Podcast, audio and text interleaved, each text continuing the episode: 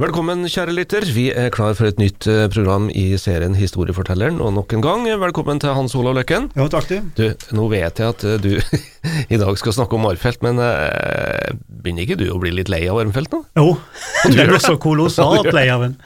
Eh, det er stygt å si det, men jeg kan nesten spy, altså. Ja, du var noen som sa at det hadde du sagt på et, Ja. eh, på et, et foredrag. Jeg har sagt i et foredrag at, eh, at nå begynner snart å spyre av en armfest, og det er jo selvfølgelig eh, spissa, men eh, jeg synes kanskje at markeringa har tatt litt av.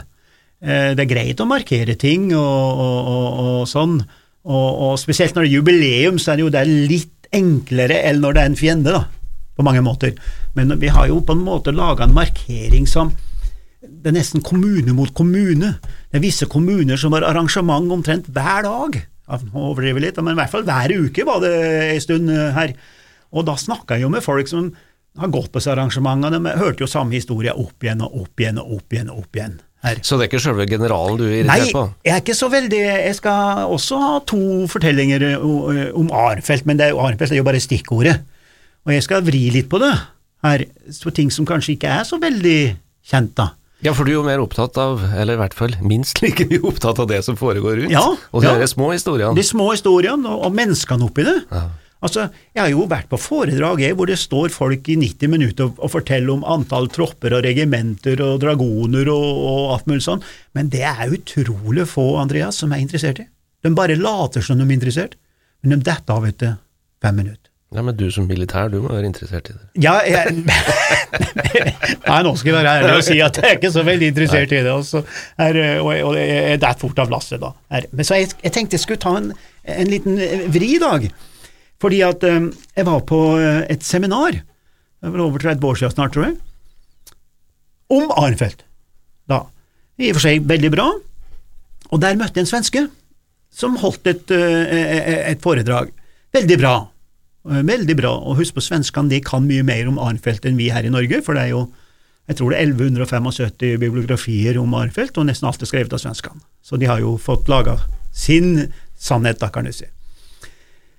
Men han her, eh, svensken da, som jeg, jeg, jeg møtte, han eh, er veldig sentral i, i, i eh, denne historien. Han heter Lars Eriksson. I dag heter han Lars Eriksson eh, Folke, for han har gifta seg med og tatt uh, navnet til kjerringa òg. Uh, han holdt et glimrende foredrag. Jeg prata litt med han, og vi utveksla en del meninger også senere, og han hjalp meg. Han havna da uh, førstearkivar ved Krigsarkivet. Svenskene har eget krigsarkiv. Svenskene har egne militærhistorikere. Det skulle vi hatt for mange år siden, vi har ikke det i Norge. Og han er professor ved universitet, og han har skrevet haugevis med bøker.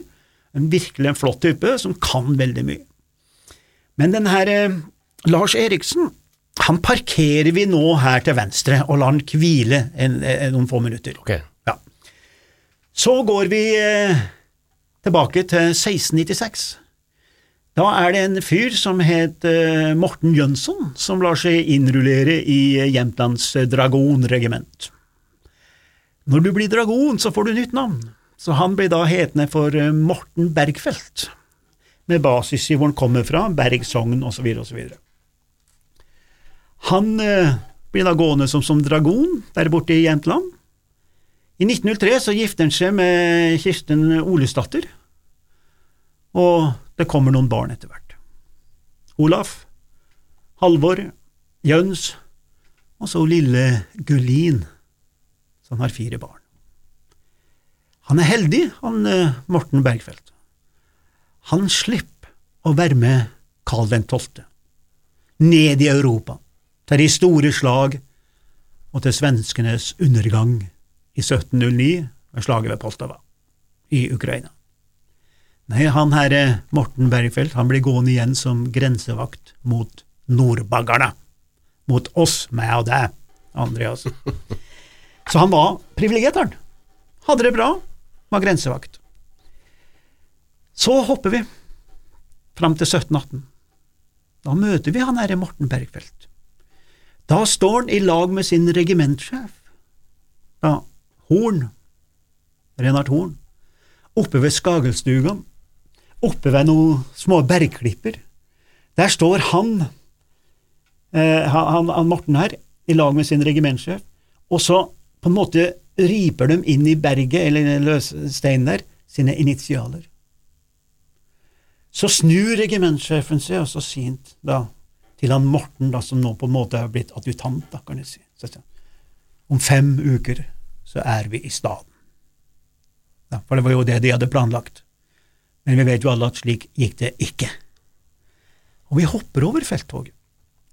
Vi møter han herre Morten Bergfeldt igjen nyttårskvelden i 1718 svensk tidsregning, oppe i Ås i Tydalen. Han var jo adjutant. Han har visse fordeler av det, ikke sant, som påpasser for offiserene.